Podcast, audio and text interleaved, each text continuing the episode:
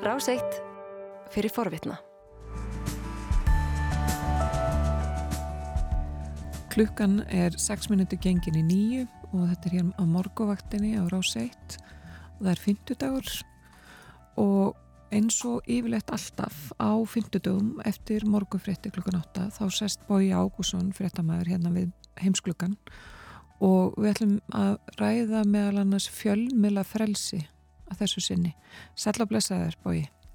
Góðan daginn, Björn og Guðrún. Jæja, fjöl, frelsi fjölmiðla, það Já. er nokkið alltaf byrt á hverju ári listi mhm. fréttamanna án landamæra þar jú, sem jú. framkymur hvað ríkin er að standa, hvernig ríkin er að standa sig. Jú, jú. Þessi listi var nú, hann nú ekki alveg, sko, hann, hann, hann kom í mæ en um, við um, erum komist til þess að ræða þetta almennilega. Þetta er málefni sem að mér finnst að þurfa að ræða meira heldur en í talmyndurum Því að eins og þú segir sko þessi samtök fréttamenn án landamæra, RSF eða afsakið fransku frambörðin, Reporters Sans Frontier um, þau segja í áskýslu sinni að fjölminnlafrelsi hafi ekki verið jafnlítið og núna frá tímum kaldastriðsins uh, það sé sótt að frjálsum og óháðum fjölminnlum í öllum heimslutum þessi samtök hafa í yfir 20 ár gefið út lista uh, World Press Freedom Index. Þetta er listi yfir felsi fjölmiðla í 180 ríkjum. Og á þessum nýjasta lista þá er uh, Norðurlandin fyrir utan Ísland í östu sætunum. Já, Norður í fyrsta já, ekki, já, og svo Danmark og, og, og hérna, Svíþjóð Finnland í fymta sæti Ísland er í 15.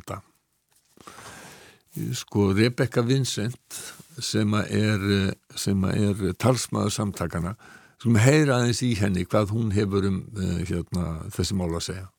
Press freedom has steadily deteriorated around the world year by year.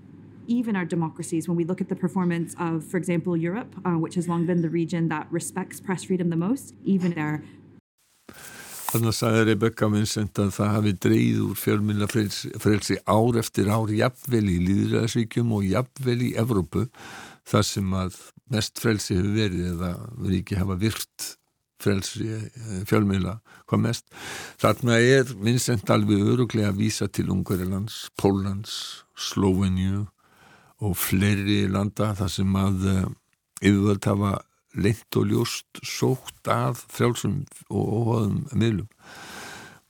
Þetta er kannski svæsnast í Ungurlandi, þetta er slemt í Pólandi líka eh, en þegar að eh, Vincent var spurð út í eh, ástæður þessar öfugþróunar þá hafði þetta að segja.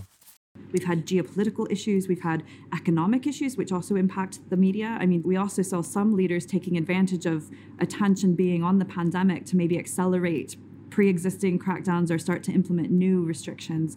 And then, of course, COVID-related restrictions as well. In some countries, we saw a real backlash against independent reporting, targeting of journalists who were actually reporting the truth on figures in their country or, or taking a critical approach to their, to their governments.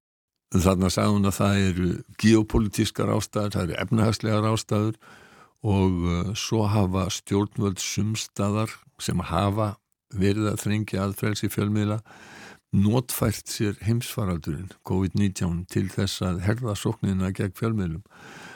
Og hún bætti við að þau hefðu séð uh, allu að óháðuðu miðlum og frettamönnum sem sögðu frá því hvernig ástandi var og uh, þeim sem uh, og þeir sem að skrifuðu frettir sem voru gaggrinur og stjórnvöld voru, já, þeir fengu að finna fyrir því Akkurat og það sást nú vel í mitt í Jungverðilandi og hann, hérna, Viktor Orbán stjórnaði landinu bara með neðal, að þess að setja neðalög og, og með tilskipunum. Já og það má benda á í Pólandi að þá var, voru sett lög þess sem að bönnuðu eh, eign útlendinga og eh, það átti svona að pólve, ég getum að segja svona að gera þetta að pólskum miðlum um, og uh, undan, undan skili var runni sko að þetta ætti að falla undir ríkið eða ríkistjórnina og uh, aðalega, þetta voru lög sem að voru aðalega beint gegn einni vinsætli sjónastöð um, þannig að uh, þetta er mjög víða sem að, sem að þetta er því miður Uh, sumstaðar hefur ástandi aðeins skánað. Uh, lönd í Európu sem voru neðarlega hafa kannski fæst aðeins upp. Með minnir að Búlgari hafi neitt sem, sem dæmum það. Ástandi hafa aðeins skánað en Búlgari er sko langt, langt, langt fyrir neðan Ísland á, á, á þessum lista. En Rebecca Vincent hún segir líka að klopningur fari vaksandi í líðaðist þjóðfylgum og bendir á útbreyðslu miðla sem að starfa svona í anda Fox News skoðanamyndandi miðlar með sterkar skoðanir og, og eru þó að Fox segist nú vera frjálsir óháðir þá eru þeir það alls ekki. Þeir eru uh, já, við skulum bara segja þeir eru, þeir eru bara Fox News. Um, og svo segir uh, Rebecca Vincent líka að, að falsfrettir séu sko sérstaklega áberandi á, á samfélagsmiðlum. Within democratic societies, divisions are growing with the spread of the Fox News model of opinion media as well as disinformation circuits that are particularly amplified on social media. Við vitum náttúrulega að fjölmeila frelsi er gríðarlega mikilvægt. Það eru margi sem að segja og haldaði fram að það sé bara eina fórsendunum og grunnfórsenda fyrir líðræðislu og opnu samfélagi. Akkurat og við náttúrulega sjáum það að fríðavelun að hafa Nobel síðast, Já. það eru náttúrulega tveir bladamenn, Marja Ressa frá, frá hérna, Filipsegjum og Dimitri Muratov frá Rúslandi. Já og það er náttúrulega kannski hérna, grátlegt að segja frá því að, að yfirvöldi í þessum ríkjum hafa beitt sér gegn þeim og þeirra miljum uh, og í Rúslandi að þá þá eru náttúrulega miðlarnir eiginlega allir uh, undir, undir stjórn eða undir hæl Kremluverja og Pútins og Economist, breska tímaritið Economist, það, það setti fram mjög, það er mjög skemmtilega áleitnar spurningar í, í leiðara fyrir nokkunum vikum Önnur var ef fjölmila væri frjálsir í Rúslandi, hversu margir myndu styðja innrós Vladimir. Putins mm. í Ukraínu? Núna bendir allt til þess að yfirgnafandi meir hluti rúsa styðji það, það sem að Putin og hans stjórn hefur verið að gera, en e, þeir hafa líka algjörlega brenglaða mynda því sem að raunverulega er að gerast vegna þess að þeir, já sko, ríkissjónvarpi sem er eh, mjög uh, skoðana myndandi í Rúslandi og, og mikið er hort á að uh, það er í rauninni bara stríðis aðeili. Akkurat, það var einmitt mjög fráðlegt viðtal við fréttarittara Times og Sunday Times nýlega þar sem hann er að lýsa ástandinu í Rúslandi og hann, er, sagt, hann hefur verið þar í 25 ára en búin, hann er orðin útlægur. Já þar sem að eh, alþjóðlegir fjölmjölar þeir fá í rauninni ekkert að starfa þarna lengur. Og það sé bara, hann segir að sé bara gengdarlaus áraður 16 klukktíma á dag. Já og svo eru voru sett lög sem að eh, það sem að, að fólk er beitt hörðum refsingum ef að það tala um þetta sé stríð. Ef það notar ekki orðið sem að, sem að Putin og, og stjórn hans nota uh, þetta sé sérstök hernaðar aðgerð Um, en hinn spurningin sem að Economist setti fram sem var líka svona daldi mikið sláandi var uh, um heimsfaraldunum hefði verið hægt að þeia í margar vikur og þakka nýður allar fjettir af bannvænum nýjum sjúkdómi ef að það hefði verið frjáls, frjáls fjölmiðlun í Kína? Já, uh, og, og, og, og þeir benda á líka sko að fyrstu vikurnar og viðbröðin fyrstu vikurnar hefðu skipt, geta skipt sko, sköpun í baráttunni við, við alveg þannig að þetta tventir bara bendir manni á sko mikilvægi fjölmiðla. Akkurat og maður má kannski geta þess að Kína er í sæti 175 af listan með við löndin 180 já, já. Norðu Kórea er í neðsta sæti. Já, já.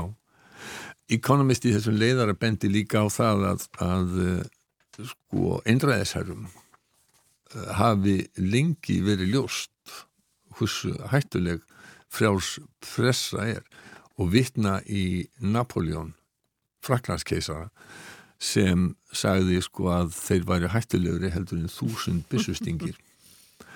Eh, svo er svo skælvilega staðarind að 85% mannkins uh, býr í löndum þar sem að frelsi fjölmeila hefur verið skert á síðastlunni fimm árum og uh, Economist metur það svo að ástandi hafi ekki verið verða síðan 1984 það eru hundruð bladamanna sem eru handteknir á hverju ári. Það eru týr að mistakosti sem að falla eða eru myrktir mm. hverfa. Þannig að í mörgum löndum er mjög hætturinn að starfa sem frettamæður ef þú ert ekki uh, á línu stjórnvalda. Og uh, ef að náttúrulega allir blæðaminn sem að ber einhverja virðingu fyrir sínu starfi þeir uh, eru að reyna að leita sannleikans. Og það getur verið stór hætturinn í mörgum löndum jáfnvel sko í löndum sem við myndum ekki ætla að væri það eins og á mörtu. Akkurat, akkurat, það var morðið náttúrulega á, á fréttakoninu þar eða blagkoninu sem að var að fjalla um spillingu. Já, já. Sko, er það er ímsum aðferðum beitt við þetta. Þetta er ekki, sko, þetta er ekki bara svona beinlýns ofsóknir gegn einstaklingum, þetta er líka, e, þetta er límskara hjá mörgum sem ekki vilja að kannski vera svona já, svona, svona harkalegir eins og, eins og, eins og stjórnvöld eru uh, í Rúslandi og, og viðar.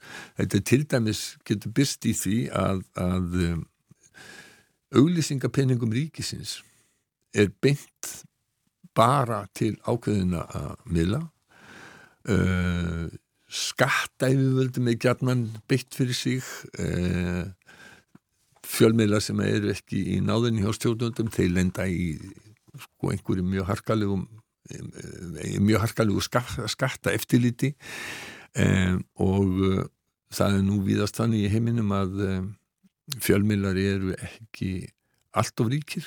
Akkurat. flestir berjast í bökkum. Ég held að allir fjölmiðlar á Íslandi til dæmis uh, nema húsanlega kjarnin mm síður reknir með, með tapi og ríkisútvarpið það er vist þjóðna réttum megin við strykki en ég allavega kannski ekki að tala mikið um það en, en það allavega hefur ekki verið sko leið til þess að verða ríkur á Íslandi að, að, að, að eiga og reyka fjölmila núna á, á, á síðustu árum að mistakosti og þetta gildir víðar sérstaklega vegna þess að auglýsingatekjur uh, hafa dreyist verulega saman áskriftatekjur hafa dreyist verulega saman með tilkomi netsins uh, og uh, þannig að víða eru miðlar mjög illa stattir Akkurat og einmitt eins og þú talar um að frelsi fjölmjöla skert þetta er einmitt, uh, þetta ratar heldur ekkert oft í, uh, alltaf í frettir vegna þess að, að, að það er svo mikið lind eins og til dæmis ef við tökum Kína sem dæmi. Já, já.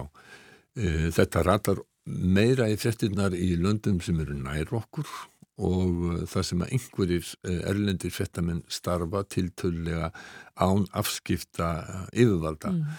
Um, þannig til dæmis vitum við að flutin sem er að gerast í Ungverðurland og Pólandi en uh, það er ímislegt sem er að gerast í löndum sem eru miklu lokari sem að við getum ekkert uh, henta reyður á okay.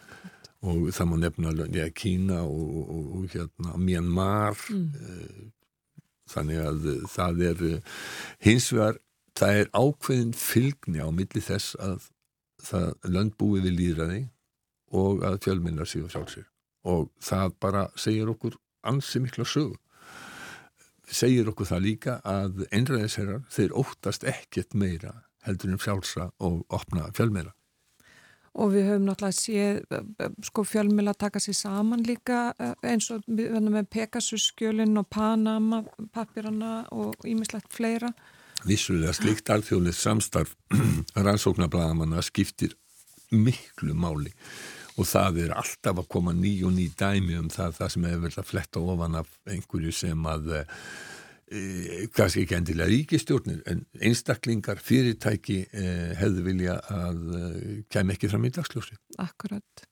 Egu við að tala aðeins um utargisráþara Rúslands? Já og, og rúsa og, og, og kannski og utargistefnu þeirra í tengslum við innráðsina uh, í innráðsina í Úkræninu Sergei Lavrov, utanrikiðsáþur hann hefur verið á ferð og held, held hann að verið að ljúka ferðinni í, í gær um nokkur Afrikuríki þar sem hann var greinilega að reyna að abla málstæðin að gesalappa rúsa fylgis og uh, hann uh, byrjaði í, uh, í Egiptalandi, hann var þar núna á sundag eða mánudag og þar hitti hann Abdel Fattah el-Sisi Fossetta og utanrikiðsráþurinn Sjúkri líka. Og hann rætti líka við framkvæmdarstjóra Arababandalagsins. Og þar uh, sagði uh, Lavrov hann eiginlega gekk lengra heldur en rúksar hafa viljað ganga núna á undanförnu þeir hafa látið í veðri vaka að stríðsmarkmið þeirra í Úkrænu séu að innan gæsarappa frelsa Donbass mm. uh, þessi austur héruð í Úkrænu uh, og þó þeir hafa aldrei verið skýri í tali það var náttúrulega algjörlega ljóst frá byrjun þeir ætluð sér að skiptum stjórn þess vegna þessi sókn gerða að kænugarði, höfuborginni en hún mistóst uh, og uh, þá vistist vera sem að þeir hefðu breytt um stríðsmarkmið. En núna að þá mátti skilja á, á, á máli Lavrovs eftir fundarins með fósita Egip þannig að stríðsmarkmiðin hefði breyst. Hann sagði að rússar vildu hjálpa úkrænumönnum við að losna undan andlýðræðislegri stjórn. We will certainly help Ukrainian people to get rid of the regime which is absolutely anti-people and anti-historical if you wish. Þarna sagðan líka að stjórn Úkrænu væri ekki í samræmi við söguna eða í anstöðu við, við, við söguna. Ég var að velta þessu orðalagi tólti fyrir mér og Mér vilðist líklegast að hann sé að vísa til þess að, að russar hafa í gegnum söguna, gegnum aldirnar, þá hafa er ráðið í Úkræninu.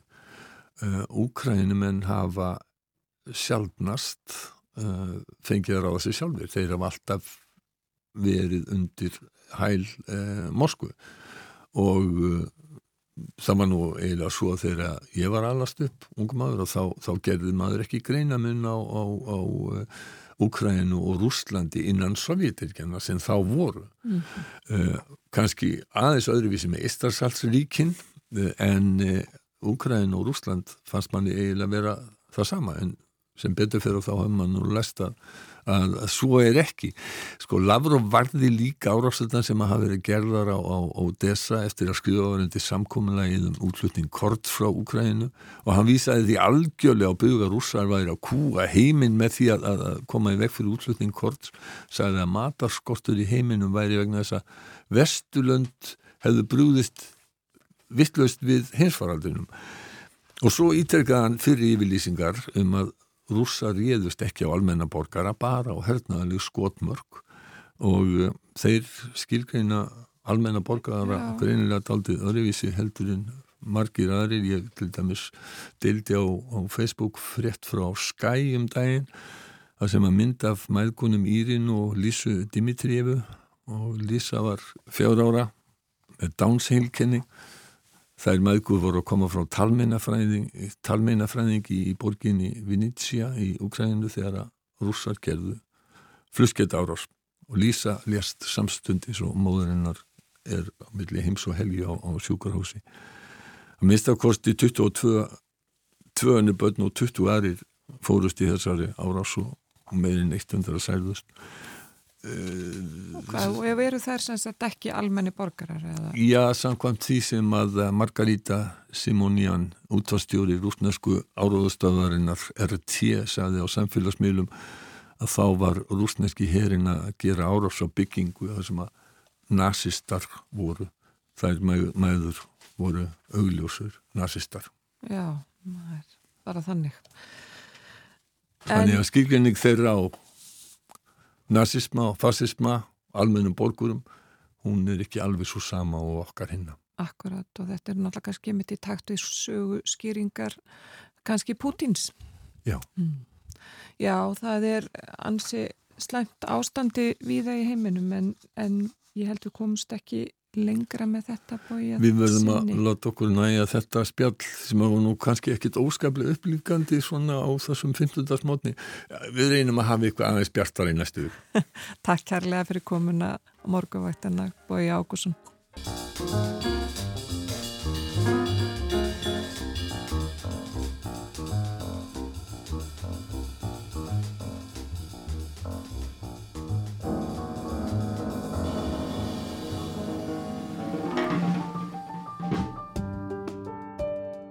Varst að hlusta á hlaðvarpsþátt frá Rás 1. Ef þið langar til að heyra meira, farðu þá á rúf.is skástrygg hlaðvarp eða spilaran á rúf.is skástrygg útvarp.